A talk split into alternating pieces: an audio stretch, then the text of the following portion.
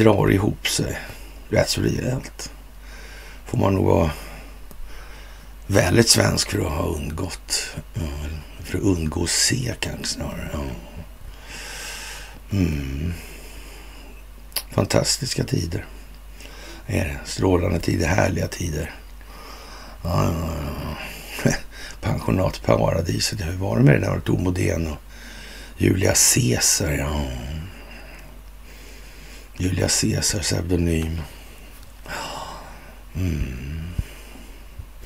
Allting går igen i tidens grums och mögel skrider eller stiger fram en skrämmande, eller ett skrämmande fantom. Fantomärt alltså. Mm. Jon efter pappa genom att det Jonas. Ja. Mm. mm. mm. Mr Walker, han går på Fantomen, ja just det. Mr Walker. Mm. Tydliga grejer. Tydliga grejer. Kära vänner. Mm. Vi skriver den sjätte januari 2023 och då är det dags för ett eh, fredagsmys. Men ändå alltså. Trettondagen. Mm om dagen, ja. Det är liksom fredagen den trettonde fast det inte är fredagen den trettonde på något vis. Ja, fredagen 13 dagar efter jul då. Mm, det är otur alltså för somliga. Mm. En del tycker ju om sådana här lekar. Mm. En del tycker inte om att jag sitter och hummar och... och en del tycker jättemycket om det och tänker, eller säger att det är rätt så praktiskt det där så hinner man tänka efter vad egentligen menar han med det här alltså. Ja, det kan ju vara Men det ska vara klart, alltså kortklart och enkelt på många håll och kanter. Det sitter ju i liksom. Är det bra det där egentligen? Ja, andemeningar det kontextuella, att min, människor själva måste skapa bilder. Mm. Det var ju det där, ja, bildning, ja. Mm, optiken, skapa bilder där. Ja. Sätta ord på tankar. Utan möjligheten att sätta ord på tankar är det ju väldigt, väldigt svårt att kommunicera dem. Mm, det här med att människor kommunicerar med varandra tycks bara liksom viktigt i det här folkbildningsprojektet. Mm. Så det blir liksom som ett litet spin game alltihopa. Kan det vara så att några har tänkt på det där tro? Mm. Kan det vara så? Kan det vara så att eh, det är på något vis enda metoden? Ja. Det här med Pareto, breda massan, där de har 80 procent som följer 20. Mm. Och sen får man höja nivån på den här lägsta delen då hela tiden. Mm. En inflektionspunkt någonstans alltså. Ja. Tre drar med sig 17. Drar med sig 80. Mm. Ja, ja. Det är ju så. Nervositeten inom den djupa staten växer. Stressen är påtaglig. Det kan vi se över hela planeten nu. Mm. Och som alltid, det största av tack för det ni gör i det här. Det är ovärderligt för planeten framgent. Mm. Det här arbetet är viktigt. Alla är inte förtjusta, alla är inte nöjda, alla är inte glada. Nej. Det största av tack för gåvor på Swish, Swish och Patreon. Ja. Och naturligtvis det största av tack för att ni fördjupar er på karlnorberg.se också. Och tack för att ni följer Telegramtjänsten i det här. Det kanske finns tankar bakom alla de här grejerna. Det, det kanske inte bara tillkommit av en slump. Inte här, här ens här. Nej, ens alltså. Eh, uh, ens linje, kurser, kursändring. Uh. Det är lite att ha med opinionsbildningen. Det finns en analogi i det där tror jag. Ja. ja, ormar man sig riktigt kan man få till det. Ja. ja. Så är det ju. Mm. Anders Lindberg, han tycker inte om mig så mycket. Jag tycker inte om honom så mycket heller. Så och vi har ju träffats en hel del sådär och pratat en hel del. Haft vissa debatter till och med också. Mm. Sådär. Anders, ja. Mm. Gammal spinndoktor på Sveavägen.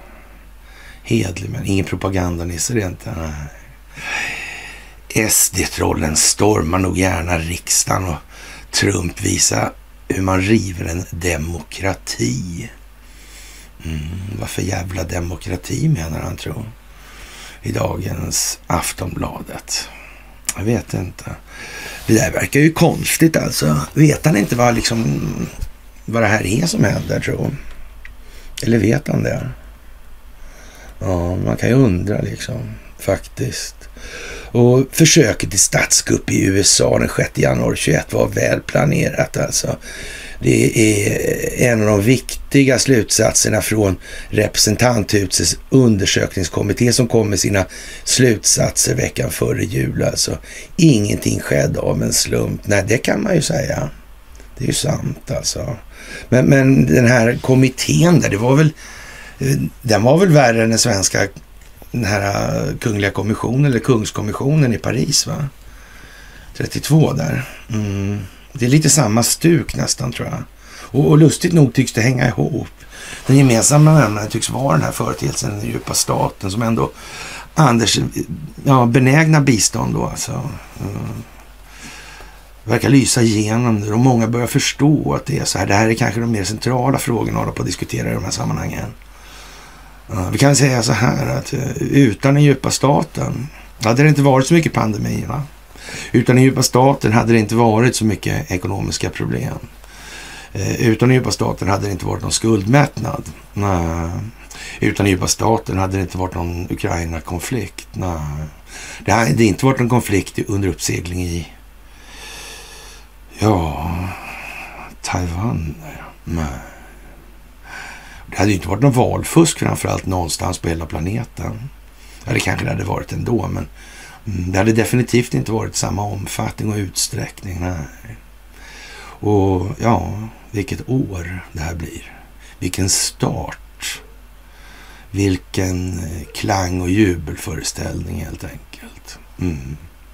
Det är underbart fantastiskt att få göra det här tillsammans med er, det måste jag säga.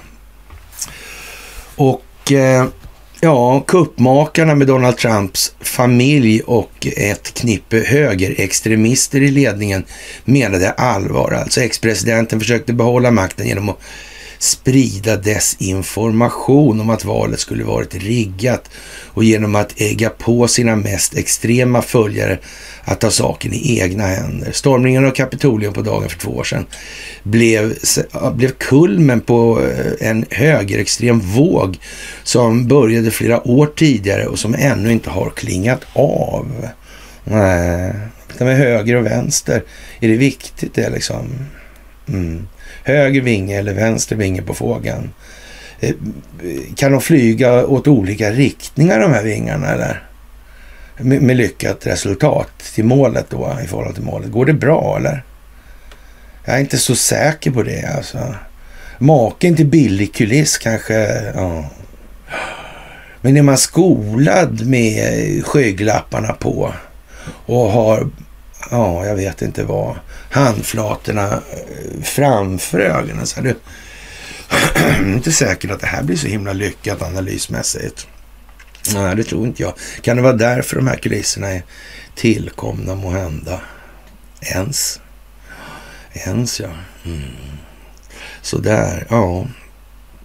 Det är det senaste exemplet på högerextremister som inspirerats av den 6 januari är den tyska Reichsburgenrörelsen. De har, hade planerat för dagen X då de skulle ta sig in i det tyska parlamentet och gripa politikerna. Var de där fyra det eller? Ja, men den eh, sjunde, nej det var någon annanstans det var förresten. Ja, men ungefär alltså. Mm. Det var lite, ja, den där branden med han, eh, vad hette han, van der Lubbe va? Mm. Det var också konstigt. Ja.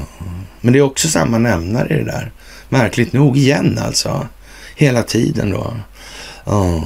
Och, och, men den här, de har ju tagit tillbaka den här ja, stämningstalan mot Donald Trump. Säger inte Anders något om det, tror Nej, det gör han inte. Varför då? Ja. Det lyfter han inte direkt i alla fall. Nej, det gör han inte. Och eh, ja, men den 7 december förra året stoppade över 3000 tyska poliser försöket till statskupp. Och Eh, grep de inblandade. Även i Brasilien använde missnöjda anhängare till tidigare högerpresidenten Bolsonaro samma retorik som Donald Trump om ett stulet val. Ja, när han förlorade. Vägar blockerades så det blev oroligheter vid maktskiftet. Alltså maktskiftet kunde genomföras alltså ändå enligt konstitutionen. Ja. Ja, man skulle kunna säga att Donald Trump tagit fram en slags, en slags rivningsmanual för den västerländska demokratin. Fantastiskt alltså vilka slutsatser han kommer till i det här. Ja, alla komponenter finns där alltså. Eh, desinformationen och den ständiga, de ständiga lögnerna forsade från Vita huset tills skillnaden mellan sanning och lögn helt enkelt hade upplösts. Verkligheten ersattes med begrepp som alternativa fakta. Mm. Anders är känd för att eh, beskriva verkligheten utifrån sitt uppsåt och förmåga. Så kan man säga. Mm, det ska man ge honom. I alla fall. Mm. Men det är ju det där med uppsåtet alltså. Dålös liksom. Mm, ja. Presidenten anklagade fria medier för fake news. När han blev kritiskt granskad och hans närmaste medarbetare Steve Bannon kallade media för oppositionspartiet. Trumps stödtrupper drev helt öppet hatkampanjer mot politiska motståndare genom sociala medier tills det ledde till våldsdåd. Mm. Och infiltrerat var det ju också det där av FBI. Ja. Ah. Det var ju så. Fast de FBI-killarna jobbade på CIA, så det var ju både FBI och CIA på en gång liksom. Mm. Var det en setup tror jag, tro. Ja. Man kan säga att eh, Anders, han är blåst i arslet som en lergök. Det kan man säga. Mm. Och han twittrar på. Ja, det kan man säga verkligen alltså.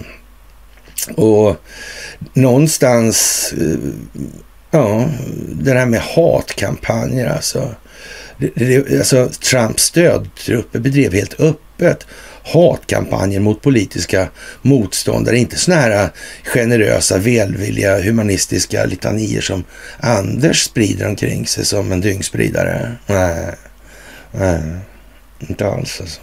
Är det någon som har missat det här med Anders Lindberg? Hans fru har väl jobbat i EU, va? Hon har varit klimatpolitiker. Mm. En, eh,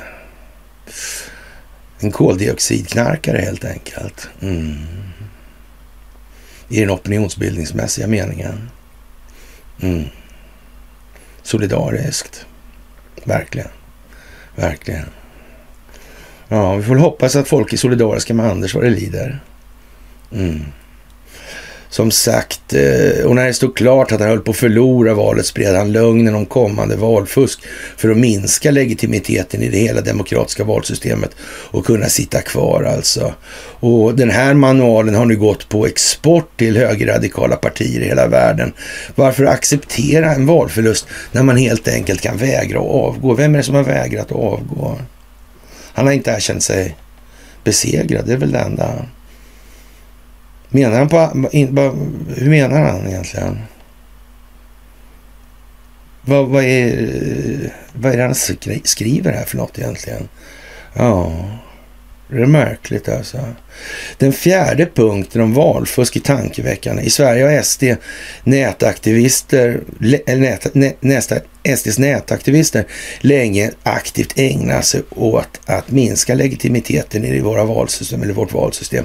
2018 bildade man en Facebookgrupp för att rapportera valfusk och efter valet dök ja, till och med en falsk valobservatör upp i svenska medier. Även 2022 försökte man sig på en liknande retorik. Sannolikt i tron att man skulle kunna skulle förlora valet. Vi får se hur de agerar nästa gång. Ja. Men, men eh, de andra tre punkterna i Trumps manual körs sedan länge på högvarv alltså. SD har byggt upp ett helt eget ekosystem av desinformationskanaler med flera hatsajter, egen tv-produktion och en armé av nätroll. I valrörelsen avslöjade tidningen ETC att detta mediaimperium i själva verket styrs direkt, styrs direkt inifrån SD. Ja, mm. Ja, då är det tur att den djupa staten inte finns då, för de skulle ju aldrig upptäcka det. Nej, i så fall. Aldrig någonsin helt enkelt. Mm. Ja, det är ju lite sådär uh, halvkonstigt alltså. SD har även lagt stor kraft på att angripa enskilda journalister och politiker i sina mediekanaler. Efter terrordådet i Almedalen då Annie Lööf var en av terroristens uttalade måltavlor blev det till en viss debatt om hur SDs anti Annie-kampanj påverkar, men den tystnar snart. Alltså. Den som idag vågar säga emot Sverigedemokraterna eller någon ledande SD-politiker får vara beredd att bli helt nedsölad i partiets olika mediekanaler. Jag vet inte om jag tror riktigt på det där, faktiskt. Mm. Jag vet inte om jag tror på det där. Eller rätt sagt, jag tror på det där lika mycket som jag tror på SD. Så kan man väl säga. Det var ju det där med vingen och fågeln och så. Mm. Lite grann kanske. Lite grann kanske, ja. Oh. Mm. Och eh, ja, de här nätreven de kan eh, fortsätta i veckor. Alltså man blir helt nedsölad alltså. Ja. Var går då gränsen? Skulle SDs nätroll kunna tänka sig att storma riksdagen? Vänsterpartiets högkvarter? Eh, en centerpartistisk valstuga? Alldeles säkert. Ja. Mm. Det är till att måla in sig alltså nu. Och, och, man får väl säga så här att om det här ska vara en indikator eller så att säga en temperaturmätare på situationen, då får man anse att det är rätt illa faktiskt. Det tror jag. Ja, jag tror väldigt lite skiljer den nationella rörelsens aktivister i Sverige från USA, Tyskland eller Brasilien. Om det är någonting nationalister har gjort gemensamt genom historien då så är det att ta till våld alltså mot enskilda institutioner. Mm. Det som skyddar svensk demokrati är att inte eller är inte att våra extremister är ovanligt timida utan andra saker. Det första är våra självständiga institutioner. Ja, det är väl det va? ja, Sverige har helt enkelt inte kvar eh, mycket av auktoritär tradition i vårt institutionella blodomlopp. Nej, nej, precis alltså. Eh, men, men eh, detta är något vi måste värna och, och, och det är under angrepp minsann. Ja, och om i, ja, så, så där alltså, men om tyranni, 20 lärdomar från det 20 århundradet av Stanford-professorn Timothy Snyder, Bonniers by the way, alltså, varnar han som första punkt i den här då, att för eh, vår vana att anpassa oss till förändringar uppifrån. Ta ställning själv istället i hans budskap. Vi har alla ett personligt ansvar. Ja. Lyd inte i förväg, skriver han. Nej. Det är konstigt det här. Mm. En auktoritär vändning eller övergrepp från staten är bara möjlig. De är bara möjliga alltså. Om en massa människor bara lyder order utan angivare är angiverilagar värdelösa. Mm. Därför skriver Schneider måste vi värna yrkesetiken alltså. Ja, ja vad ska vi säga alltså? Mm. Jurister måste hålla hårt i rättsstatens principer. Mm. Det handlar om svenska rättssystemet, Anders. Har du glömt det? Du missar den delen. Mm. Jag vet inte. Hur var det där? Bajskletning kanske? Ja. Brunmålning? Mm. Lilla nutten, ja. Ja, ja, ja, ja, ja, ja, ja. Mm. Även när justitieutskottets ordförande försöker påverka en pågående rättsfall. Eller kanske i framtiden en justitieminister. Ja. Läkare måste värna läkaretiken. Lärare sin etik och journalister sin journalistiska etiken. Ämbetsmän måste våga stå upp för sin självständighet och etiska principer. Ja. Även när det blåser och politiker vill tumma på regler och människors rättigheter. Skyddet i grundlagen borde vara starkare mot snabba grundlagsändringar och även för viktig demokratisk infrastruktur som våra val. Ytterst är dock Timothy Schneider rätt. Var och en ja, kan själva göra hela skillnaden. Mm. Så är det ju. Konstigt det här Anders håller på alltså. Ja.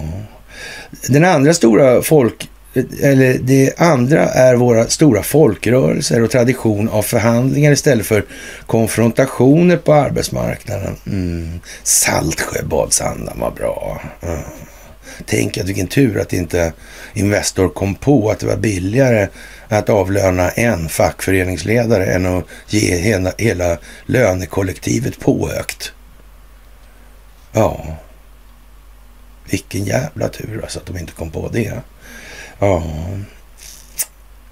vad ska vi säga? Hur många fackföreningsledare har varit Ja, statschefer heter det ju inte egentligen här. Nej, det är kungen. Mm. Han som har känslor. Mm. kungen är ingen institution. Det är, ingen, uh, det är ingenting formellt sådär, utan det är en, något väsen liksom. Jag tänker hur mycket tok man får se nu för tiden. Ja, det där är lite speciellt må man nog säga. Statens eh, ja, roll i det här? Ja, jag vet inte. Genom att dra tydliga gränser för statens makt stärker vi andra institutioner som fackföreningar och civilsamhället och det fria näringslivet. Alltså frågan är, är han helt dum i huvudet? Har han tappat det? Ja. Han har inte så kul va? Jag tror inte det. Det känns inte så helt enkelt. och statens roll bör sällan vara att peka med hela handen.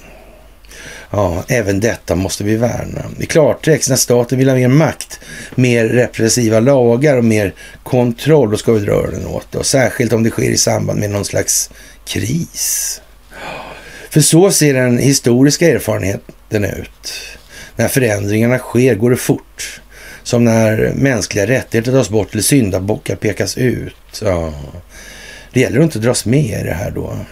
Ett öppet samhälle bygger på fria människor, en mångfald av olika maktcentra. Det bygger på fria val och respekt för andra människors rättigheter och åsikter. Den eh, 6 januari 2021 ja, utarmades allt detta under stormningen av Kapitolium. Två år senare har dammet inte riktigt lagt sig och Donald Trump har återigen meddelat att han tänker kandidera till president. Men demokratin överlevde. Institutionerna höll. Människor gjorde motstånd. Om vi vill att det ska fortsätta vara så behöver vi rulla tillbaka alla fyra delar av Donald Trumps manual för att riva ner demokratin. Även i Sverige. Mm. Ja, Anders Lindberg. Nu är inte jag säker på att det är så många som tror på dig längre. Jag är ganska säker på att det är inte alls så många. Mm. mm. Så kan det ju vara. Det där med att påverka Sveriges förhållande till eh, främmande makt. Mm. Jag är inte säker på hur man ska se på det där. Skulle det vara så här att det här är ett folkbildningsprojekt helt enkelt och den djupa staten existerar. Då, Anders Lindberg, tror jag du sitter lite till alltså. Man, man kan väl säga så här, det förefaller föga troligt att någonting annat ligger till grund för den här typen av skrivningar än ett rätt så starkt tvång. Mm. Ett stackel som vi brukar säga i den meningen. Mm. Ja, det är ju lite udda, stackarn Pilutta som sagt var. Mm. SD-trollen stormar gärna ja, riksdagen alltså. Och i anledning av det här också nu så drar det ju ihop sig och den här gruppen Sabaton har vi ju delat. Ja, de har ju mycket om de här gamla liksom historiska skeendena Svea Livgarde och Gustav II Adolf, Karl XII. Mm. Sverige är ordförandeland i EU nu, där Anders fru brukade jobba. Mm. Ja... Det är klart att med en EU-anställd fru, då är väl inte nationalism en höjdare. Nationalism är ingen höjdare annars heller eftersom det bygger på ett stambegrepp. Mm. Det kan man ju säga. Det är väl därför man i USA kallar det för patrioter. Va? Mm. Det blir mera landytan som är frågan då. Ja, tyvärr har ju inte vi någon konstitution värd namnet eller något rättssystem värt namnet. Nej. Vi har ju den här folksuveränitetsprincipen istället för maktdelningsprincip där de kontrollerar varandra, de här tre delarna. Alltså. Den lagstiftande, dömande och verkställande makten. Ja. Så är det ju, ja. Mm. Konstigt. Undrar om de har tänkt på de här sakerna. Alltså. Ja, det vet man ju inte riktigt. Nej. Eller så gör man ju det. Mm. Mm, får vi se hur det är. Det lär ju visa sig. Det kan ju gå snabbare än man tror ibland.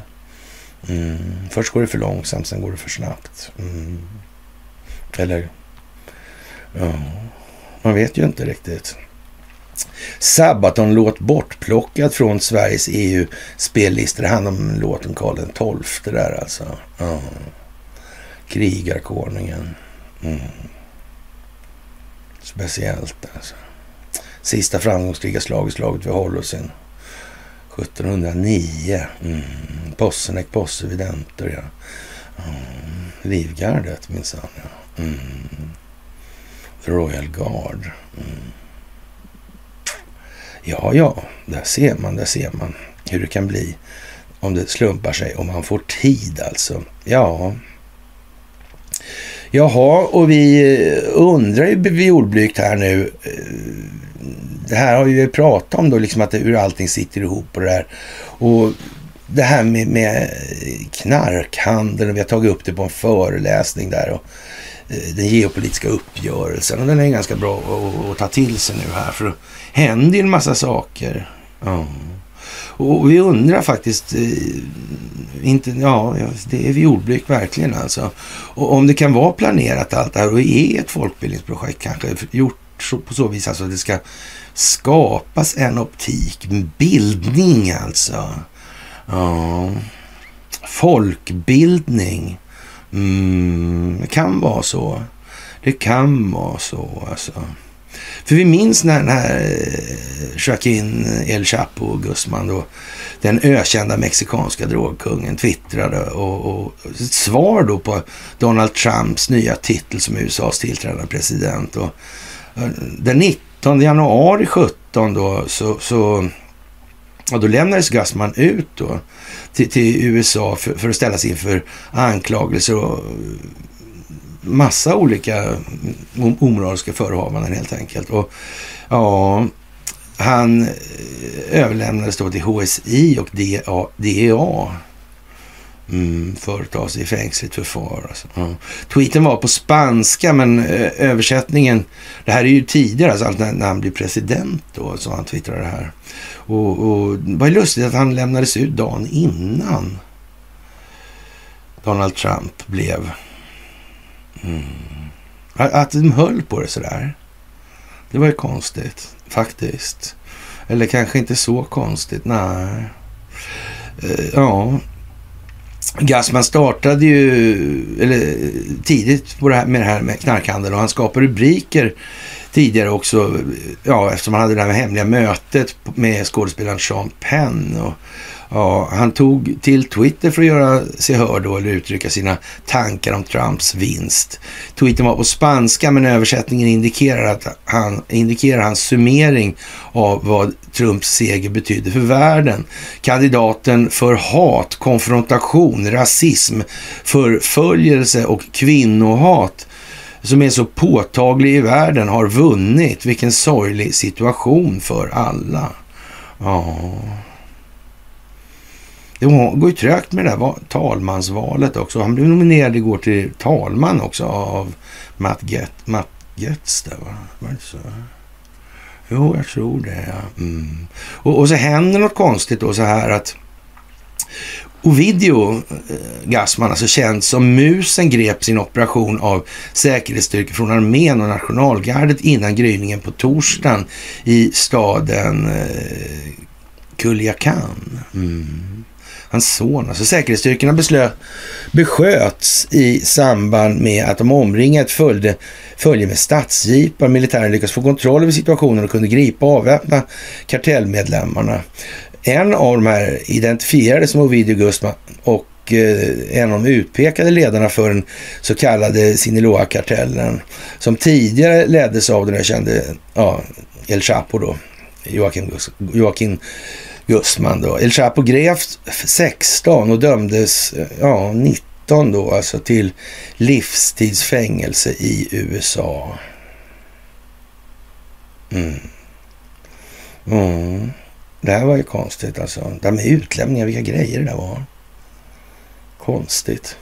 Mm. Märkligt det där alltså. Ja, man vet ju inte liksom. Betyder det här någonting i tiden? Alltså är det signaler eller är det optik? Eller är det gjort för att man ska se det här, lägga ihop det? Kanske få en bild av det här. Verkar det på något vis koordinerat i alla fall, det kan man ju säga. Ja, eller också blir det bara så här tur, liksom, det är dagen innan och hej och hå, liksom.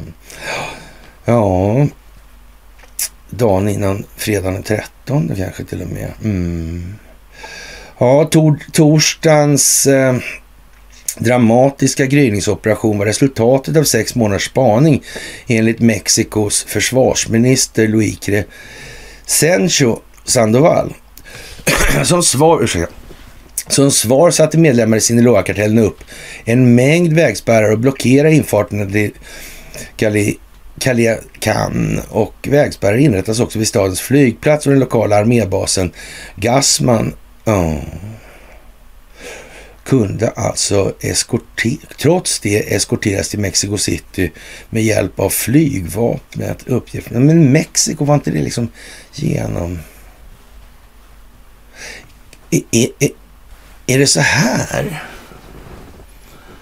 By the way, alltså. Kan det vara så här att den djupa staten är jätte väl förankrad i, eller var kanske, jätteväl förankrad i den mexikanska liksom, statsförvaltningen. På, det, alltså, det känns som att det skulle kunna ha funnits institutionaliserad korruption i Mexiko. Inte än. Lite kanske, i alla fall. Ja. Vad har de för telefoner? Känner vi igen märket kanske? Därav namnet som vi minns, kanske man skulle säga. Ja, men det handlar väl om det var med det lilla helgonet i alla fall. I Karl Gerhards version. Ja, så var det va. Ja. Ja, som sagt. Eh, mm. Det där är ju eh, mycket märkligt. Alltså, då åker han dit här alltså. Strider mellan kartellmedlemmar och säkerhetsstyrkor fortsatte under eftermiddagen.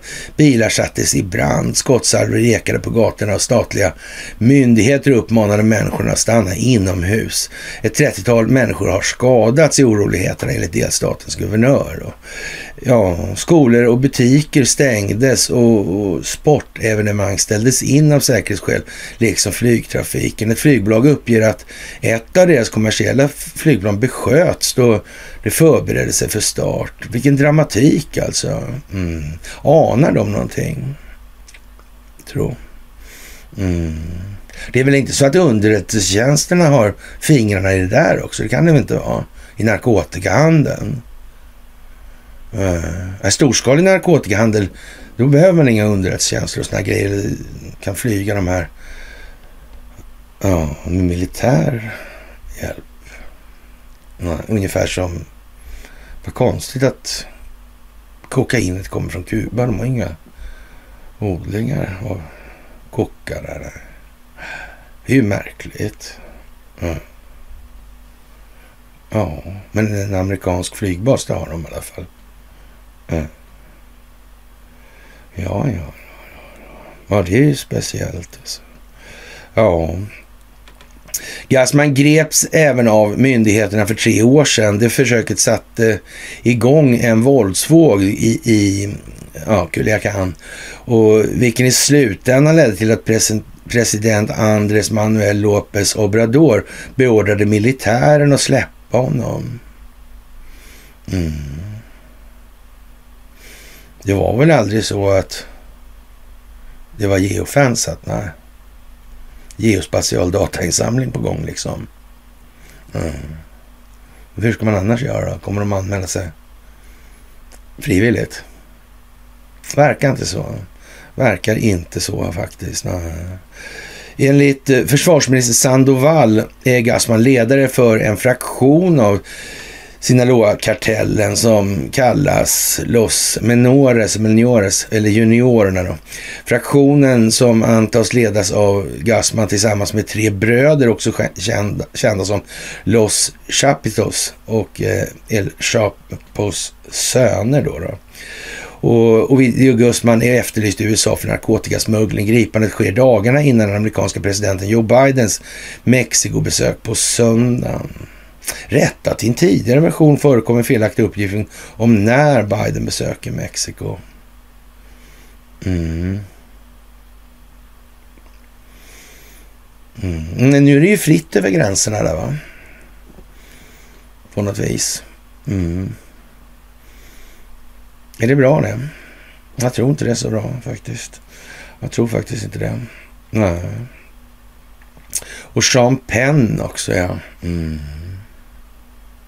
Konstigt alltså. Ja. Ryssland kommer få det besvärligare än innan. Eh, tidigare kanske man ska skriva då i rubriken. Men det är inte så noga i Svenska Dagbladet längre. Sådär. Mm. Och det är liksom lite pom tiddelipom. Man har en egen biljett då, som man sa i en sketch. Jag undrar om det var kul att vara eh, legoknäckt i Ukraina just nu. Jag vet faktiskt inte. Den eh, ryska vapenvilan som Vladimir Putin utlyste på torsdagen hann knappt träda i kraft på fredagen innan den bröts eh, från båda sidor enligt nyhetsrapporter. Putin vill framstå som att han kontrollerar situationen, det tror militärexperten Paasikivi. Jaha. Mm. Och, och, som sagt, Paasikivi... Mm. Det får gå för vad det är. Mm. Ryssland kommer att få det besvärligare än innan alltså. Mm. Trots att Ryssland offentligt gått, gick ut med att införa vapenfila för den ortodoxa julhelgen så fortsätter skjutningarna på båda sidorna i den hårt krigsdrabbade staden, rapporterar nyhetsbyrån AFP via Twitter på fredagen. Mm. Men om det handlar om att rensa legoknektar så kan man säga så här att de kommer ju inte sitta där i någon stilla julebön och, och vänta på att bli sönderbombade. Det kommer ju inte att hända. Nej. Nej, det kommer inte att hända helt enkelt. Och de har ju liksom fattat vad det här är för någonting nu. Mm. Undrar om Paasikivi har fattat det, som sagt. Vi pratade om det förra gången och ja, vi tror han har begripit det ändå. Alltså. Så jag tror att folkbildningen... Mm, vad har han gjort då, tror You never know until you know you know. Mm. Men något har han ju gjort det som är tvungen att ställa upp på det här jävla spektaklet. Ja. Så är det ju helt enkelt. Ja. Rysslands president Vladimir Putin beslutade dagen före att vapenvila gäller från 12.00 rysk tid fredagen den 6 januari och fram till midnatt natten till söndag. Eldupphöret utgör totalt 36 timmar, rapporterar AFP AP.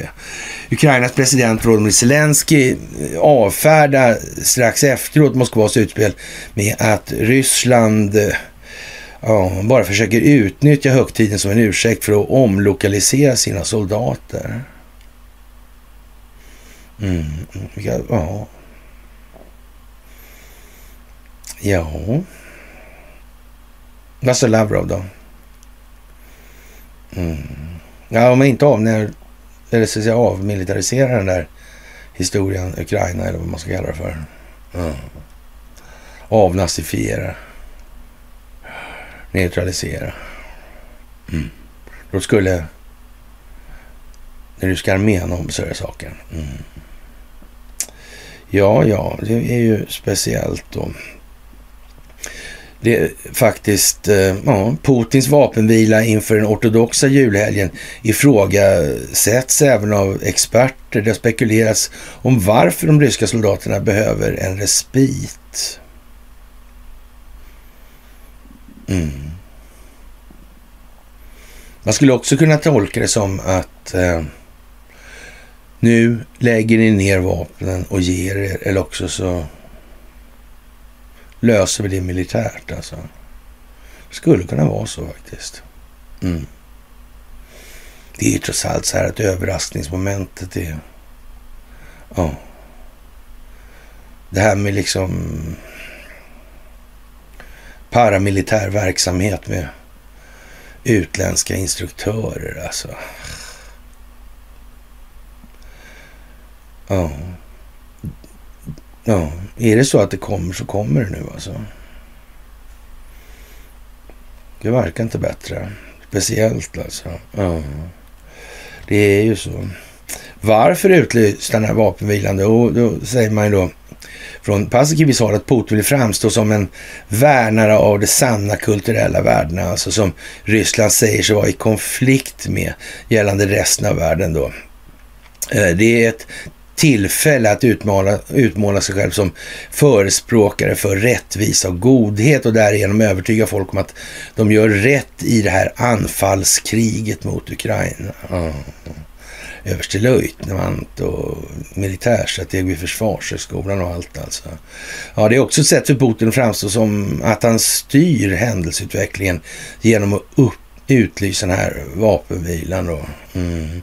Enligt Paasikivi är en annan drivande faktor för Putins vapenvila att de ryska soldaterna på marken behöver en respit eftersom de är hårt trängda efter ukrainska framgångar under hösten. Ja. ja, ryska soldater är sämre utrustade än ukrainarna, säger han. Ja.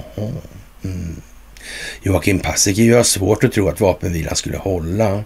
Ja, Ukraina har, redan sagt att det här är hyckleri och att man inte kommer att ha någon vapenvila. Och, ja, och att det bästa sättet för ryssarna att ha en vapenvila då är att åka hem, alltså till Ryssland, säger Paasikivi och fortsätter. Jag tror inte att det blir någon vapenvila och jag tror att Ryssland kommer att få en besvärligare situation än innan.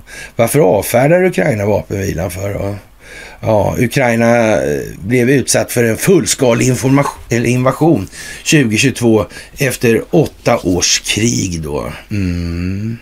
Det är fullkomligt absurt eller bisarrt att den som har attackerat, ockuperat och annekterat landet skulle kunna säga vi gör ett uppehåll i några timmar för det är högtid. Man, tidigare har man inte respekterat några som helst högtider. Det ser så där ut nu, va? Gör det inte det? Det där här är inte så svårt att genomskåda tycker jag. Jag tycker att det klarar de flesta av nu. Jag tycker att det borde vara så i alla fall. Ja. Nu viner piskrappen minsann mot stacklad media. Det, ja, tungan är blå kanske, rent utav alltså. Det verkar inte bättre. Nej. Och det här med avnazifieringen, ja. ja nazisternas ockupation av Norge. Mm. Tunnlar. Fan i helvete. Mm, mm. Det sägs ju, det viskas från norska fåglar mm, som sätter i träden. Ja. De kom flygande längs E14. Ja. Från Trondheimhållet. Det har grävts massa. Mm. I Norge. Under Oslo också. Mm. En sån här borrmaskin blivit någon glömde borrmaskiner i schaktet. Ja, den var lite för stor för att bära bort så den fick stå alltså. Mm. Två års fängelse efter otillåten bunkerfest alltså. Jaha. Finns det massa bunkrar under Oslo alltså? Ja, ja, ja. Var det inte där någon film som kom nu på Netflix också? De hade... Ja, jo det var det va? Just det, det var det. Det var några, själva lösningen på knuten på gåtan där med det här trollet. Va? Det var lite åt det hållet. Någon har grävt ur det där. Mm. Mm. Konstigt. Mycket konstigt med Norge överhuvudtaget. Verkligen konstigt. Jag vet inte. Mm, undrar om det sitter ihop på något vis. Kanske Norsk Hydro. Ja, IG Farben kanske. Mm. Herbert Lickfett. Mm. Norska atomforskning, norska motståndsrörelsen. Styrs från Stockholm ja, via telenätet. Mm. Ja. Tänk att tyskarna aldrig kom på det. Eh, mm. Vad hette han då? Birkeland va? Christian Birkeland, vad hette han så? Atomforskningen där ja. Mm. Det var ju väldigt mycket med det där alltså. Mm. Och han motståndsrörelsekillen, blev inte han... Var inte han pigg på eh, att Israel skulle bli en kärnvapenmakt, jag för mig? Ja, uh, Haugen, va? Mm, tror jag Typ något sånt i alla fall. Ja, ja, ja, ja. Han gjorde ju världens karriär där. Alla konkurrenterna dog där. Man bara, ja, ja. Det är inte ett dugg genomskinligt alltså. Och för att inte tala om, om ja, Birkelands avhandlingar som kom på driven där alltså. Mm. De drev böljande blå liksom. Mm, mm. Ja, och det gällde ju inte, det var ingen sån atom. Han skrev ju visserligen ett brev angående det här med sin atomforskning till, till, till Wallenberg då som man tillsammans hade varit med och startade den Norsk Hydro med. Ja, just det gjorde han ju. Ja, men det, det, glömde han bort sen, eller alla andra glömde bort det. Jag vet inte, funkar det där egentligen? Konstigt, konstigt, konstigt. Absolut, det måste vi säga alltså. Mm. Och nu är det bunkerparty, otillåtet, höll jag på att säga två år då. Eller två till fängelse efter den här bunkerparty-grejen då. Ja, vad sa Lavrov då egentligen? Jo, han sa ju som jag sa där nyss att ja, på lördag så Ja, då blir det en fråga för, har ni inte gjort det innan så blir det en fråga för den ryska armén. Mm. Men de kanske ska, ja, inte vet jag liksom. Skicka brev eller hur fan ska de lösa det där då? Han sa ju faktiskt, så kanske inte menar allvar. Ja. ja. Putin han sa någonting om bomba över jul alltså. Sådär. Ja. Så alltså. Ryska julen börjar ju nu alltså. Mm. Sådär alltså. Mm. Ja, det är ju lite udda alltså. Hur visar Q att partisystem är ett verktyg för den djupa staten? Mm. De här omröstningarna i USA. Hur, hur fan går det där egentligen? Ja, elva gånger också. Utan, och, och han hänger i alltså, Kevin McCarthy. Det är inte det speciellt alltså. Mm. Det verkar precis som att eh, han kan inte välja så alltså. Han är tvungen att göra sig själv till åtlöje i de här sammanhangen. Han, som en rhino liksom, på något vis. Mm. Republican in name only då. då. Mm. Det verkar lite så tror jag. Mm. Inte så dumt alltså. Det kanske är smart, det kanske är bra optik, bra bildning, bra folkbildning kanske. Ja, det verkar bli tjurigt. Hur många omröstningar kan det bli då, tror du? Ja. ja, ska vi våga oss på att det blir 17 kanske? Jag vet inte. Ja. Den här Q-prylen alltså. Mm. Det är bokstaven 17. Mm. Vem är det som är det där Q egentligen? Mm. Det kan man fråga sig. Det kan man fråga sig. Mm. Det där är ju speciellt. Och om eh, man nominerade Donald Trump där till, Matt Getz gjorde det, till talman. Ska han bli talman? Tror det är ju en väg då som blir eh, någon tråkig historia där för Nancy Pansy Fancy och de här. Ja. Och sen blir det liksom explosion och kåken och ja, ett och annat högmålsbrott och så vidare. Mm. Men frågan är, det är det riktigt bra alltså? Det är kanske är bättre att göra ett pedagogiskt exempel av allt det här. Ja, men vad skriver Anders Lindberg? Han skriver ju implicit då alltså, eller kontextuellt att det är liksom Donald Trump som bestämmer. Ja. Och han är ta med fan inte... Ja. Fast det är ju inte residenten heller va? Nej. Ja, frågan är vem som är vad här alltså. Mm. Men hur ska man visa det? Då spelar det liksom egentligen... I det amerikanska fallet kan man ju säga så här. Om då Republikanska partiet inte klarar av att eh, nominera det här och, och, sen så spelar han här bakgrunden alltså. Mm. Och det är han som är partiledare för det där partiet. det blir inte McCarthy med det då. Det är lite så här udda kanske. Mm. Och det innebär ju att en yttre kraft eller person styr hela landet då i princip och har utredningsmakten i sin hand. Ja. På tal om vingarna på en fågel, spelar det någon roll egentligen? Vänster, höger i det fallet. Vingen, det går inte bara att en vinge flyger till ett visst givet mål och så den andra flyger någon annanstans. Alltså. Det, så fungerar inte fåglar. Det är många svårt att förstå det, alltså, men det går inte. Nej. Nej. Inte ens eh, små fåglar som flyger längs E14 och twittrar. Nej.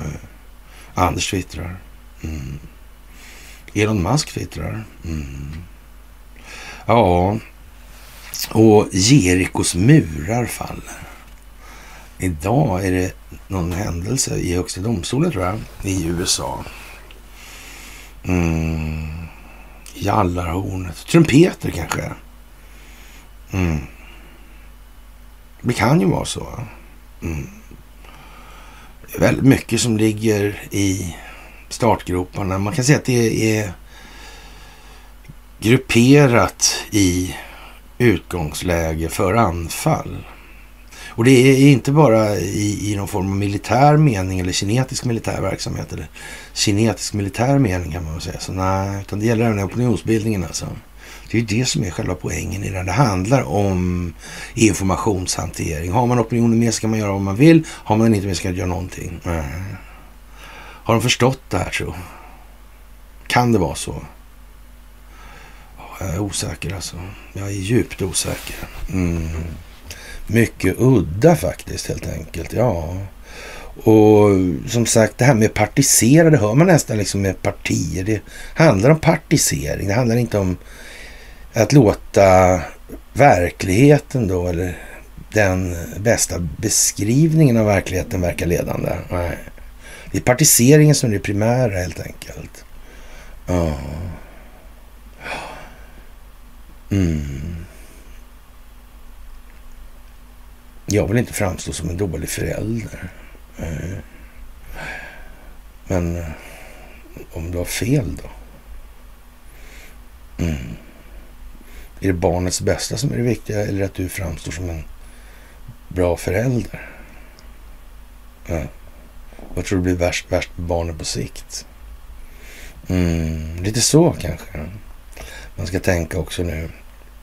Ja, Och, och det där med vapenvilan alltså. Omvärlden är skeptisk. Ja, man undrar helt enkelt. Och det där är ju jättekonstigt alltså. Och, och, och då säger man å ena sidan då att eh, ja, den rysk-ortodoxa julhelgen då anges som skäl då från Vladimir Putins sida och Kremls sida alltså. Mm. Men som sagt, de här legoknäktarna är ju inneslutna i de här fickorna. De kommer ju liksom inte därifrån. Äh. Och så blir det tyst. Ja, de blir inte ens beskjutna längre. Nej. Kanske någon anar att nu är det fullt chokat, liksom. Mm. Nu händer något snart. Mm. Det kan ju vara så i alla fall. Det ser ut som det skulle kunna ligga lite parallellt i de här, eller, ja, ur de här olika perspektiven. Mm. Det finns en viss koordination i det här. Mm. Ja, men det kan man ju andra sidan slå upp och, och sen kan man ju fördröja, förskjuta och så vidare. Mm. Så är det ju. Men man kan inte hålla på och mobilisera en massa förband kinesisk militär verksamhet och tro att de ska stå ute i terränglådan liksom och, och, bara finnas till liksom hur länge som helst utan att det händer en massa saker. För det gör det. Mm. Det är lite så. Mm. Mycket speciellt alltså. Det här ja, finns ett ord som beskriver det här då och det är cyniskt, säger Ned Price, talesperson för USAs utrikesdepartement om Putins påstådda planer. Vår farhåga är att ryssarna skulle kunna försöka använda en tillfällig paus i striderna för att vila, återuppbygga, omgruppera och i slutändan anfalla igen, fortsätter Price alltså. Ja, ja. Eh, ja, USAs president eh, underlivsporslin där, eller resident underlivsporslin, beskriver det som eh, intressant att eh, Putin eh, kunde bomba på juldagen och nyårsdagen men nu vill ha ett eh, eldupphör. Okej? Okay? Ingen hänsyn till att bara var rysk jul är på liksom ett annat ställe i kalendern. Det var inte så det var. Nej, nej, nej det jag vet inte. Ja. Eh, jag tror att han försöker skaffa sig lite andrum, han ja. ja säger Biden och, och, och syftar på Putin. Ja, mm, eller hur? De här lirarna som jobbar på protokollet i, i så att säga, presidentsammanhang, har de tagit helt tappat manuset eller? Mm. Ja, ja, ja. ja, ja. Men får väl glad så länge jag inte ser på ett fnask eller sådana grejer. Mm. Ja, ja. I sitt dagliga tal på torsdagskvällen sa Ukrainas president Zelensky att Ryssland försöker använda julen som en täckmantel för att åtminstone kortvarigt stoppa Ukrainas soldater i Donbass och för att kunna flytta utrustning, ammunition och mobiliserade män närmare våra positioner. Ja, vad kommer det här att leda till? Bara ytterligare ökade dödssiffror, sa han. Ja, det kan man säga. Det kan man säga. Det kommer inte bli eh, några några Alltså det kommer bli ökade dödssiffror. Alltså, jag tror att det med tiden kommer klarna ut ganska ordentligt, eller klaras ut ganska ordentligt, att det här handlar på något vis om legoknäkteri alltså. Ett jävla gissel det där alltså. Mm. Man kan ju liksom inte ha stående arméer mm, av legoknäktar i landet. Vad är det för jävla... Vad, vad, är det, vadå våldsmonopol liksom? Ska konstaplarna rycka ut där i sina eh, gamla biloveraller, höll jag på att säga. Men, ja. Och ge sig på folk som åker bepansrade fordon. Och inte ens, det, är, det är inte ens finkalibrig eld de håller sig med. Va? Nej. Nej. Nej, det är väl sådär va? Skulle jag säga. Mm. Det är, ja, på något vis. Det är eh, så att Zelenskyj tycker att ryska medborgare ska lyssna på det här och kriget kommer vara slut när era soldater antingen lämnar eller att vi driver ut dem härifrån, säger han. Mm. Tänk, det finns några lösningar till på det här. Det gör det ju faktiskt. Ja, det blir spännande att se vad det här blir för någonting den här helgen. Och, och, och det är klart att eh, överraskningsmomentet i militära doktriner är en eh, hyfsat central pryl helt enkelt. Mm. Det är bara i, i, i eh, västländsk västerländsk media det fungerar lite annorlunda. Ja, det är det alltså. Mm. Och att de framställer sig som sådana åsnor som de nu framställer sig som, det får man ju nästan se som anmärkningsvärt alltså.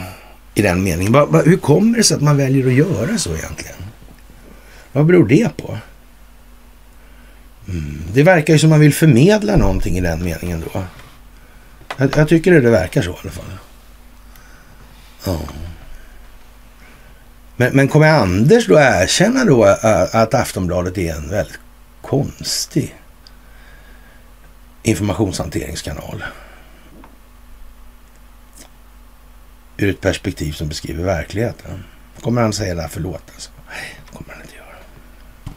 Han kommer inte att göra det, nej. Vad konstigt. Ja. Och man kan väl säga så här att i, i, i det här så har vi ju liksom olika modeller, beskrivningsmodeller. Man får ha liksom en... Så här ser det ut i, i, i det stora hela då, men man kan minska ner och, och så det blir lättare att förstå och titta på. Och, och, då kan man säga så här att den här senaste historien med den här chefens privata fjällresorna som vi tog upp senast där och, och naturligtvis i Calcutta då. Och där den här eh, Jonas Walker, eh, Jonas Walker, alltså Jon efter pappa och, och så. Och, och, som Fantomen i efternamn då. Mm, eller hur liksom? Eh, ja, men jag vet inte. Men visst, naturligtvis i Calcutta liksom. Var annars då? Det, det är ju bara så. Ja, och man måste väl nästan ställa frågan nu så här, hur mycket skit måste flyta upp till ytan alltså innan ja, människor inser att det alltid har varit institutionaliserad korruption i det här landet i allt väsentligt. Jag menar Stockholmsbyråkratin är känd alltså. Globalt. Mm. Och det går igen och det är inte så svårt att hitta. Vad, vad är det mer som finns globalt som kan kopplas till Sverige då? Ja, alltså då var Sverige en stormakt, det, det är alla överens om i alla fall. Så långt, so far so good. Och sen blev det centralbanker på en jävla massa håll och kanter. Ja. Och sen, då gick liksom den djupa staten ner under, det var en ubåt på något vis alltså, då dök den. Mm. Det gjorde den ja. Ja, den dök som Vasa kan man säga. Ja, ja. Och chefen använder alltså kommunens bilpool för att åka till fjällen och på sommars skärgårdsresor och kommunen kommer inte att skärpa kontrollen av det här bilkörandet ändå alltså. Det beror på att eh, Jon efter pappa, alltså Fantomen, där, ja, Eh, alltså, det är min bild att det är väldigt ovanligt att sånt här sker, säger då kommundirektören Jonas Walker. Eh, jag vet inte, hur skulle det se ut om man sa tvärtom då?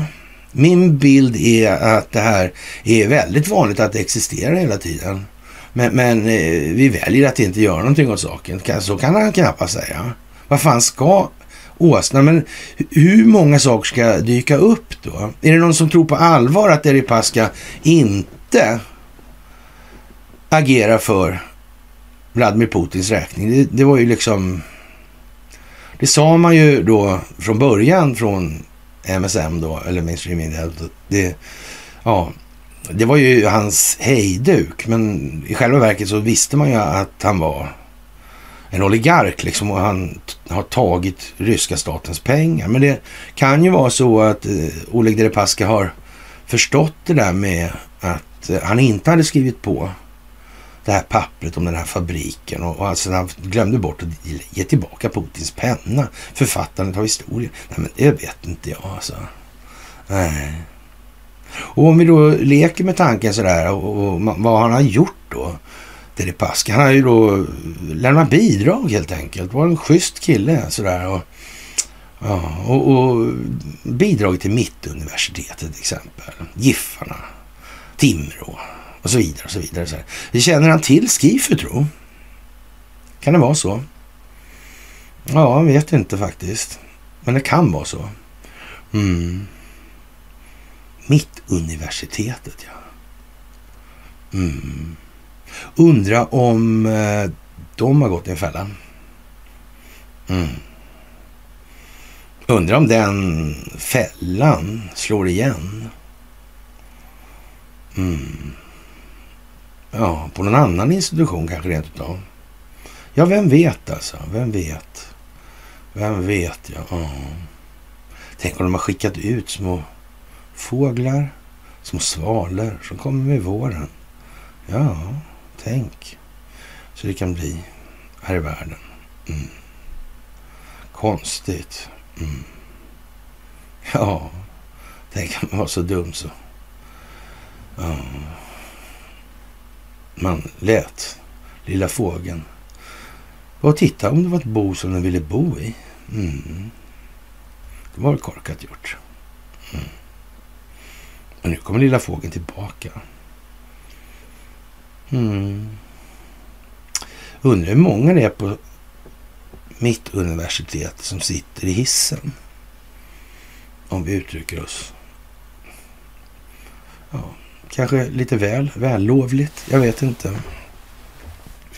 Ja, och, och det här är ju, man gör ingenting åt det här. Istället för då så, ja, han hade, fick ju fint jobb sen också för säkerhets skull och, och enligt, det här skulle inte kunna hända enligt de ansvariga på kommunen så har man en noggrann kontroll av bilpoolens fordon. Alltså varje månad registreras alla som använder fordonen i körjournal med uppgifter om körsträckor och bränslekostnader så att ingen anställd ska kunna utnyttja bilarna på fel sätt och ändå så verkar det här inte fungera.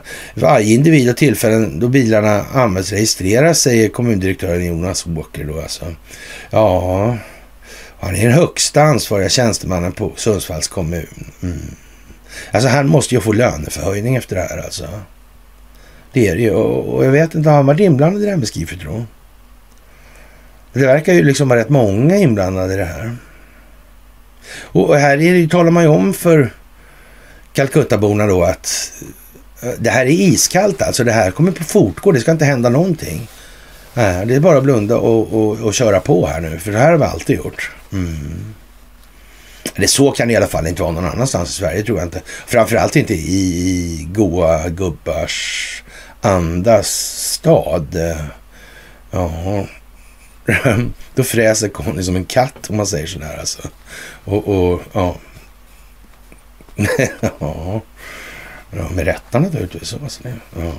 Det är illa där alltså. Det är inte konstigt de här bolagen, så, eh, de här familjerna. Uh, rederier och allt vad det var. Mm. Jag håller på en del genom åren. Men eh, ja, i Stockholm inte alls. Nej, nej det heter Stockholmsbyråkrati utan anledning. Ja, ja. ja, jag vet inte. Ja, som sagt, eh, ja, Trots det här tog det lång tid innan, innan någon på Sundsvalls kommun reagerade på chefens bilkörning. Vid ett tillfälle blev det fel på alkolåsen på alla bilpoolens fordon. Personal från kommunen fick då åka ut för att försöka få igång en mängd bilar i olika delar av Sundsvall. Och ändå reagerade ingen på att bilen som chefen körde befann sig i Vemdalen utan tillåtelse. Ja, men det är på skidsemester alltså. Ja, nej. Först efter att det gått nästan ett år, den 14 januari 22, alltså upptäckte man chefens flitiga bilåkande. Ja, han fick då en skriftlig varning för att han hade upprep vid upprepade tillfällen förlagt sin beredskap utanför Sundsvalls kommun då alltså. Ja, och för att han utnyttjat kommunens fordon för privat bruk alltså. Men chefen får arbeta kvar och jag har idag ett annat toppjobb på kommunen med en månadslön på 62 papp alltså. Ja, ja. Det där är ju fan med helt otroligt bra alltså. Och, och, det är väl inte att kanske begära, eller det är väl kanske att begära för mycket att eh, Calcuttaborna ska liksom reagera så här snabbt alltså. Det kommer inte att hända. Eh, men det måste fram nu. Mm. Men det måste svida också. Det går liksom inte bara att sköta sig själv och skita i andra och tro att det här samhället ska bestå. Det är passerat den Rubicon-punkten. Ja. The borderline, liksom, ja, nästan i alla fall. ja, att det tog sån tid innan chefens många och långa resor upptäcktes berodde enligt Jonas Walker på att det var mitt under coronapandemin, alltså då många av de vanliga rutinerna inte hanns med helt enkelt. Den förklaring som jag har fått är att det var under pandemin och då var det ganska speciella omständigheter samt att personen i fråga hade beredskap. Det har gjort att det inte, inte stack ut på samma sätt som under normala omständigheter. Alltså, ja. Jo, det är klart att det, att det skulle erkännas, det verkar väl lite eljest kanske. Mm, det händer ju inte det heller. Nej. Det verkar som att man håller i, håller i och håller i. Varför? Var det så att man ville lägga sig ner död och visa strupen och det här mjukdelar? Mm. Tror man, tror man att man hade fått göra det då? Nej, det hade man inte fått göra. Det är lite bakvänt det här alltså. Det gäller att visa ungefär som den vad är det här för system? Hur funkar det här systemet? Är det någon idé att rösta på de här partierna? Ja, men om Donald Trump kan bestämma över hela kongressen utan ens vara med i den. Liksom. Ja, och inte på något sätt... Ja, men vad då liksom? Ja, men spring och rösta bäst ni vill då. då. Mm. Och de kan ju inte skylla på röstfusk kanske. Nej, det är inte läge för det riktigt nu tror jag. Nej, det är ju inte det. Nej. Och det vet man ju inte om Jerikos murar liksom man börjar få sprickbildning nu här. Så här dags på dagen. Den här dagen. Mm. Jag vet inte. Ja, Bronson Brothers ja. Mm. Ja. Det var någonting med Jerikos murar som rämnade där tror jag. Det var något trumpeter inblandat också. Så där, så att, men det kanske... Tallyho liksom. Ja, och eh, ingen skillnad för kriget om Putin försvinner nu. Ja, eh, säger då en, en eh, professor här ja, i öststatsforskning som heter Stefan Hedlund. Andra kommer att ta vid med samma agenda. Det hat mot Ukraina och mot demokratierna i väst som Kreml hamrat in har nu slagit så djupa rötter att det definierar Ryssland, skriver han alltså. Ja, tänk vad konstigt. Som det kunde bli alltså. Mm. Mm. Ja, det är så. Fantastiskt i alla fall, det kan man ju säga. Så här. Och den här självrevisionsuppskjutande mätnaden som vi har alltså. Ja, det, det är ju som det är. Det, det, är ett bra ord alltså idag. Mm. Men det är nog slut på det nu va? Känns som att det behövs inte så mycket. Det behövs lite Bronson kanske, om det skulle bli en sån. Eller skulle kunna någon Carrie Lake-grej där kanske. Eller ja, någon sån här liten pryl och så skulle det kunna vara lite... Mm, ja, det är omröstning idag igen så hinner ju med en par sex stycken kanske eller sådär. Ja, med godkänt på 17 17 för McCarthy, då får vi nog anse att det börjar bli lite... Mm. Då luktar det action på annat håll också. Mm. Det gör det. Mm. kan inte vara så kul att sitta insluten i de här kittlarna. Alltså. Men, men, men, det ser, jag vet inte. Strelko, kommer du ihåg honom? Mm. Ja, det kan man stå där. Alltså. Det hände typ det där alltså, i fält. Det får man nog ge honom. så försvann han på något konstigt vis. Så vart han osams med Kreml också sådär. Mm. Men det var ett litet signum över hans MO, liksom, eller modus operandi då. Sådär. Mm. De här inneslutningarna. Nu kommer de tillbaka på något märkligt vis. Vad tog han vägen? Den där.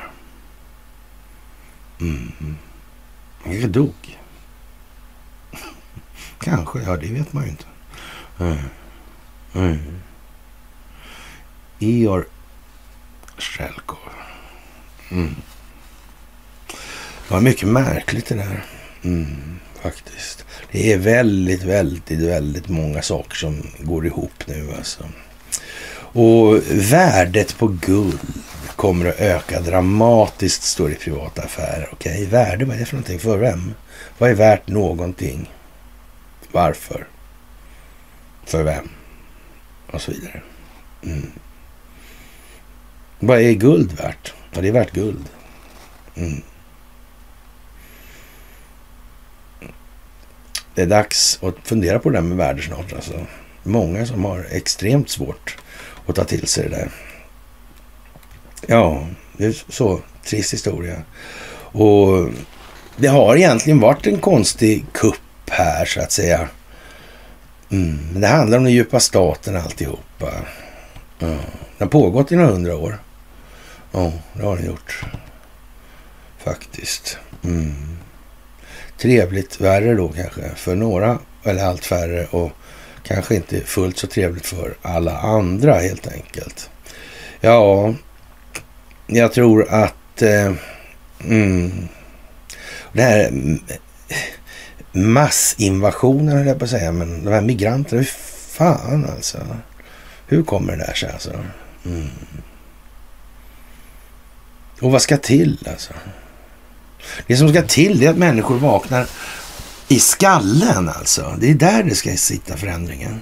Det andra spelar egentligen inte stor roll, alltså om man eh, blir längre eller kortare eller sådana här saker. Det spelar har mindre betydelse alltså. Det handlar kommunikation människor emellan i alla fall då. Det är ju det. Udda, udda grejer alltså, det måste jag säga att jag tycker.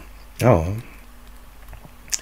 Och ja, ingen talman i USA trots elva försök alltså. Men nu är det ju en ny dag. Då ska det bli en sex val till här då. då. Ja, då blir det ett Q. Mm. Men nästan lite larvigt i så fall, måste jag säga att jag tycker det. Mm.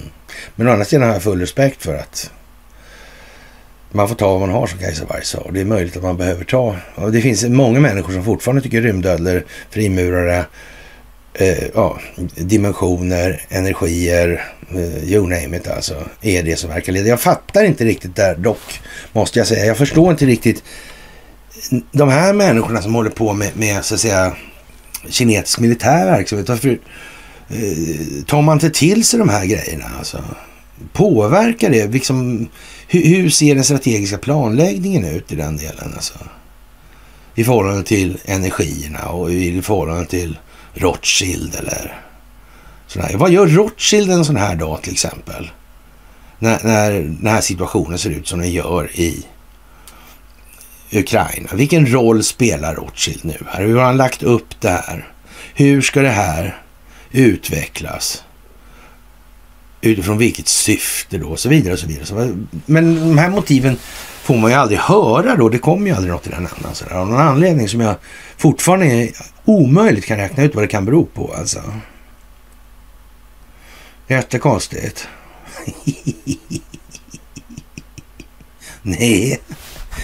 Nej, inte alls konstigt faktiskt. Lustigt nog alltså. Ja, ja, ja, ja, ja.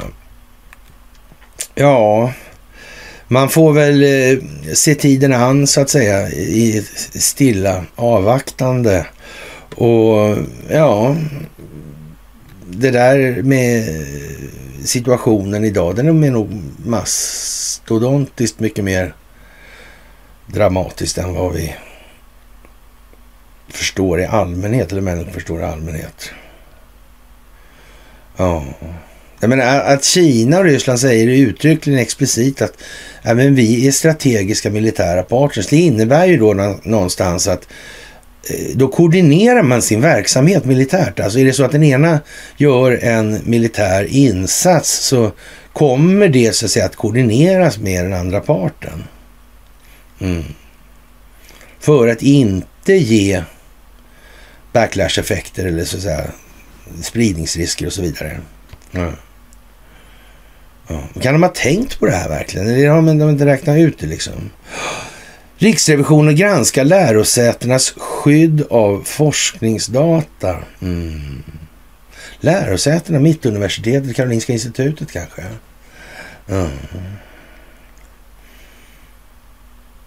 Är det bara forskningsdata de ska titta på då? lärosätenas finansiering kanske. Ja, men de kan inte gärna... Om man nu... Det finns forskningsdata här och sen har man en finansiär som Deripaska. Ska man förneka Mm. Vad sa den där som Martin Stensson ringde till? Han hade ju fått en massa bidrag av Knut och Alice Wallbergs stiftelse, va? Var det inte så? Mm. De bara delar ut pengarna och sen hoppas de någon gång att det här ska liksom... Ja, de åker förbi och kollar om några år liksom. Har det blivit något eller? Mm. Det finns liksom ingen, inga så att säga, utredningsdirektiv i den meningen. Nej, nej. Mm. De är inte målsökande de här finansieringspengarna så att säga. Mm. Som skapande målsökning, ja, jag vet inte fan alltså. Det, det, skulle de inte då, då skulle inte liksom, då skulle man inte ha sådana här finansiärer. Det verkar ju direkt olämpligt alltså. Nu ska vi forska på det här och det kommer bli bra för våran verksamhet som bygger på enskild nyttomaximering. Mm. Förr eller senare får samhället betala för det, men c'est la vie liksom. Mm. Ja, ja, men det kan man ju fundera lite på om det är bra eller dåligt då, kanske.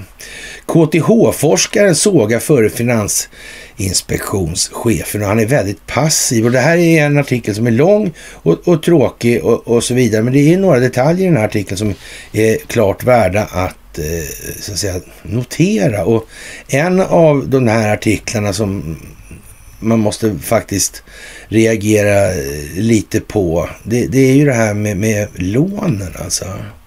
Och, och, så att säga, ja, han var väldigt passiv när det gäller avgifterna som bankerna tar ut vid brutna bundna bolån. Alltså man säljer och får man betala en slant då för deras uteblivna ränta.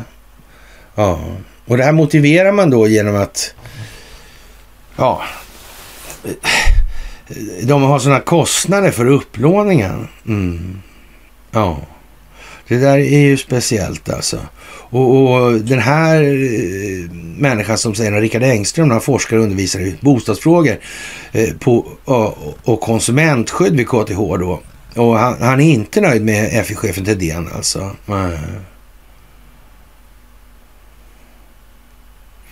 Mm.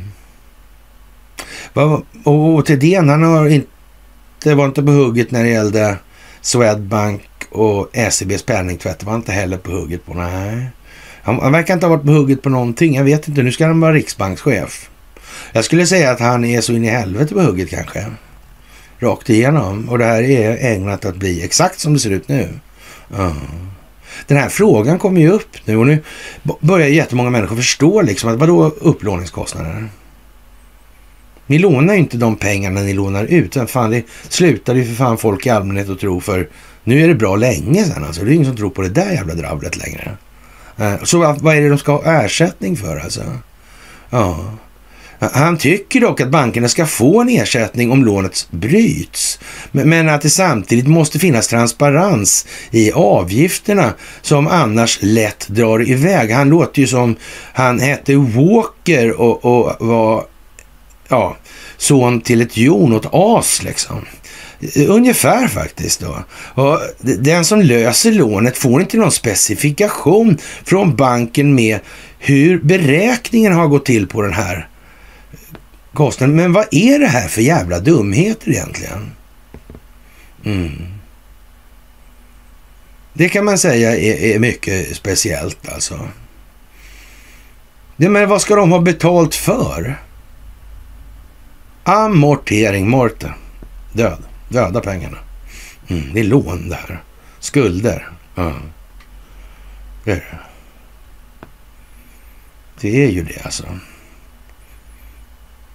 Pengar skapas främst genom att bankerna skapar lån. Jag tror, jag tror att det står i den här manualen eller så från Riksbanken.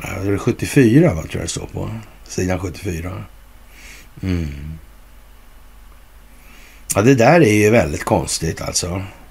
Och, och, och, är det då konstigt att det inte har funnits någon transparens i det här? Och frågan är hur mycket pengar är det där då? Är det mycket pengar det handlar om eller lite pengar? Hur, menar, är det där? Mm. Man, man, skulle kunna säga att det verkar på något vis som att en bedrägerikartell har varit i farten Lite grann så alltså. Det känns inte som det kan ha varit på enormt många andra sätt och vis. Det, det tycker jag inte faktiskt. Och ja, fantastiskt helt enkelt. Mm. Och, och, det är ju någonstans eh, det här med kartellerna där, Sinaloa-kartellen och de här. Och, och, som sagt den här föreläsningen då, den geopolitiska uppgörelsen här och hur de här eh, narkotikakorridorerna går då och, och så vidare. Det, det, kan vara bra att känna till och det går igenom det ganska ordentligt där faktiskt. Mm.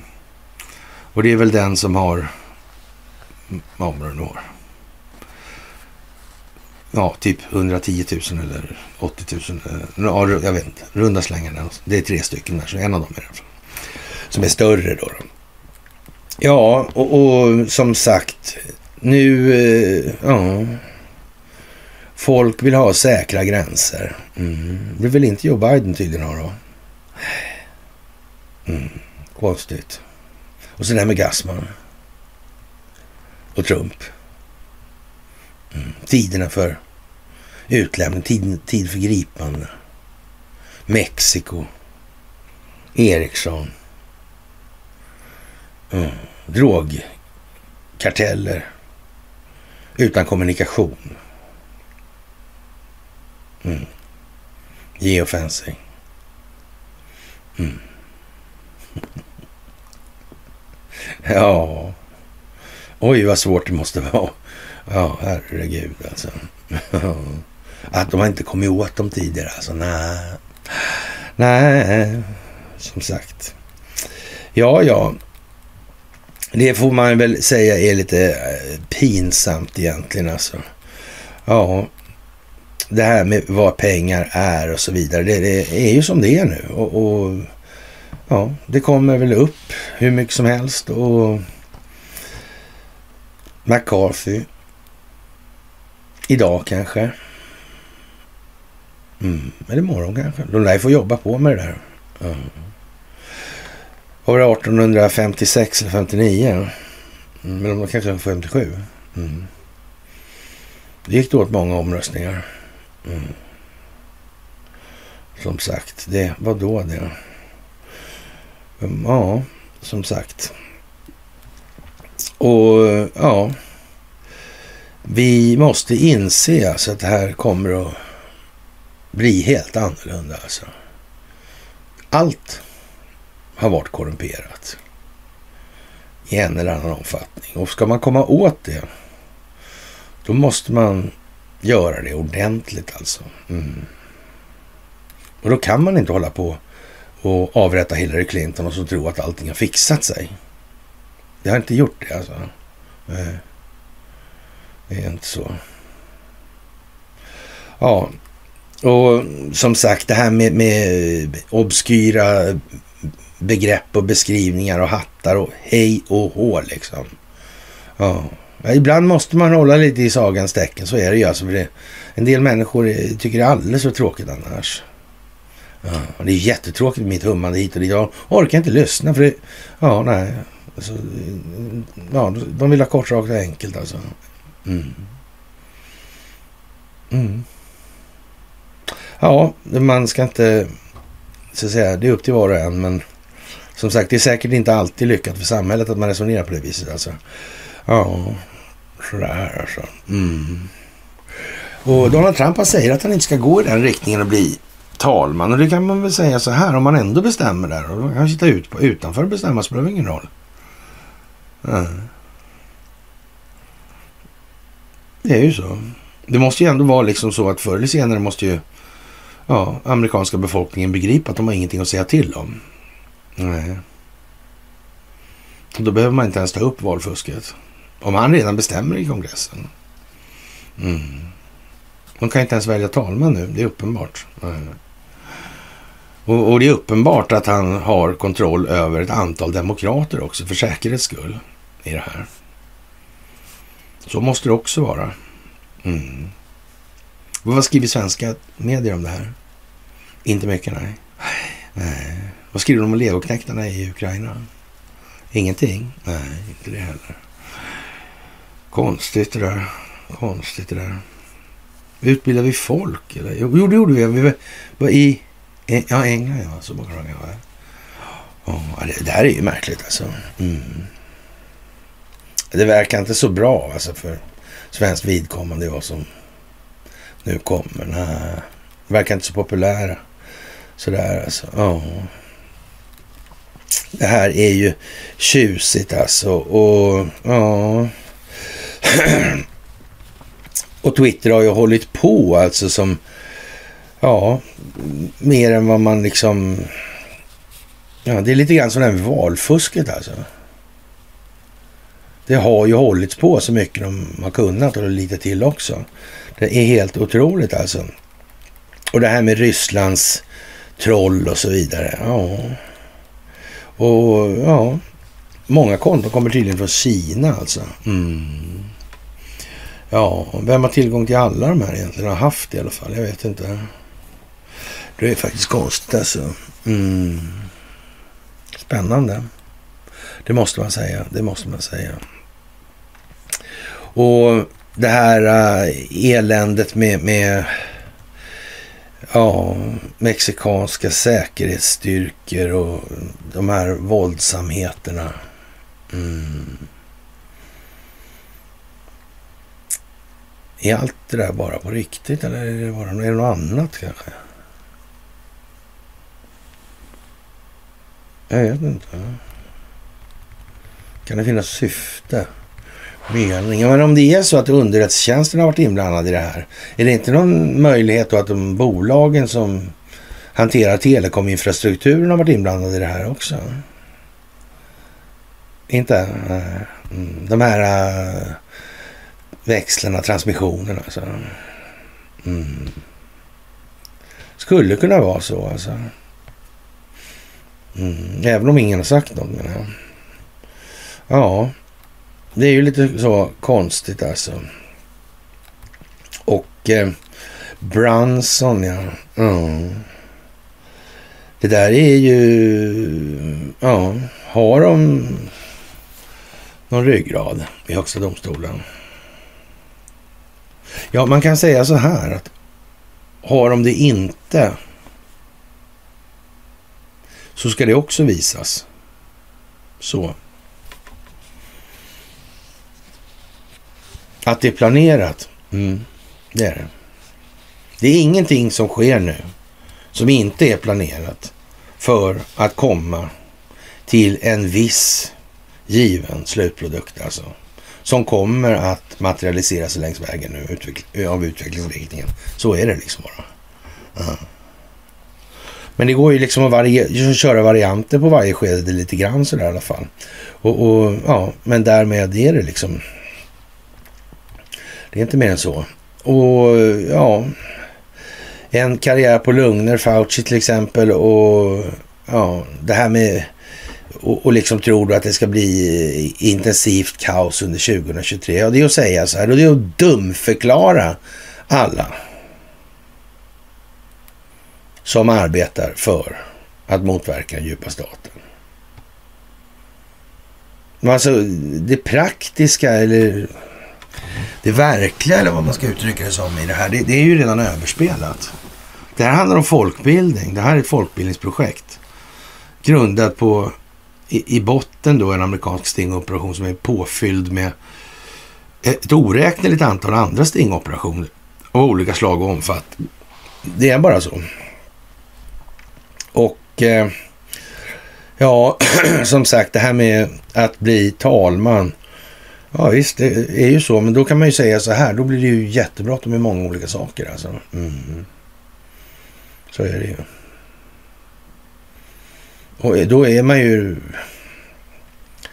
Ja, då, då vad ska man, får man ju hoppas att de har kommit så djupt man måste komma då i saneringsarbetet av träsket. Mm. Och defaitisterna då som säger att nej, men det pågår ingen verksamhet på bekämpa djupa staten utan Eh, Donald Trump är på samma sida. Mm. Ja, men så, ja. så var det ju från början också med Vladimir Putin. Det var ju liksom inte ens de egna leden trodde de på vad de håller på med. Så att, nej, men nej, nej, nej. Titta vad han gör istället. Inte ens så alltså. Nej. Ja, Så vi får väl se alltså. Mm. Helt enkelt. Och Kina hotar då med motåtgärder för den här covid-diskrimineringen. Mm. Helt otippat alltså. Vad sa man om Sverige då? Tomt svart hål i den här pandemin alltså. Ja. De hotar med repressalier då, alltså covid-diskriminering. Det är ju som, man kommer som på beställning i tiden här nu. Mm, och ja, det kan man väl eh, tycka är, är passande. Det var väl välförtjänt om inte annat. Får man väl säga i alla fall.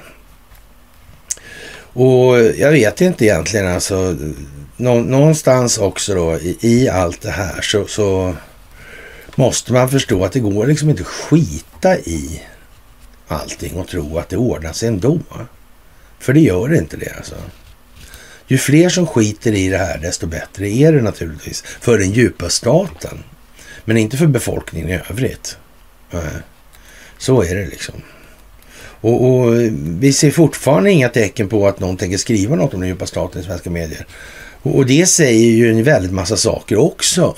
Och, om svenska mediers roll och förhållande till den djupa staten. Mm. Det är ju så liksom.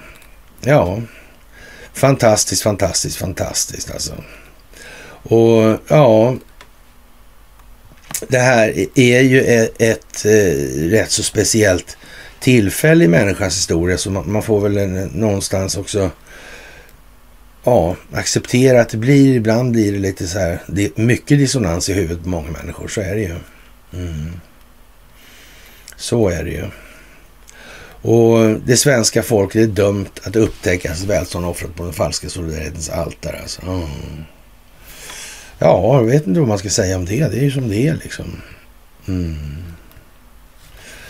Det är speciellt. Alltså vad bygger det på? Ja, moderna krigets delar helt enkelt. Och vad, vad vore signalvärdet egentligen om MacArthur blir vald? Ja, blir han vald till talman så kan man ju säga så här. Det är helt säkert att Donald Trump bestämmer allting. Det kan man ju säga. Sådär. Mm. Och, och blir han vald i sjuttonde valet, då blir det ju nästan lite skrattretande, så löjligt. Mm. Då är det liksom åker runt i cirklar och, och gör långnäsa liksom. Mm. Så. Och det här är den tid vi lever i nu alltså. Mm. Och man kan säga så här att den svenska försvarsmakten eh, om den ryska tomten i skärgården. Man kan säga ryska tomten kanske. Mm. Och som sagt, Försvarsmakten vill inte kommentera en eventuell samverkan med andra myndigheter. Skatteverket kan inte kommentera enskilda ärenden utanför det som angetts i beslutet, skriver Maria Ekman, pressekreterare på Skatteverket i en kommentar alltså. Mm. Men är det så här då att, tänk om det är, är ryska, han har betalat skatt i Ryssland till exempel. Mm. Hur vet man det? Att han inte har gjort det? Mm. Ska man ta de pengarna av ryssarna då? Eller? Hur tänker man? Han har betalat på två ställen. Eller? Mm. Men, men, om nu Ryssland har skickat hit oligar oligarker för att se hur korruptionsbenägna befolkningen är i till exempel Sundsvall. Mm. Glöm inte vad Lavrov sa där heller. Alltså. Han förväntade sig att mm, mm, mm, mm angående Kubal, Deripaskas bolag alltså. Mm. Deripaska finansierar Mittuniversitetet. Mm. Mm.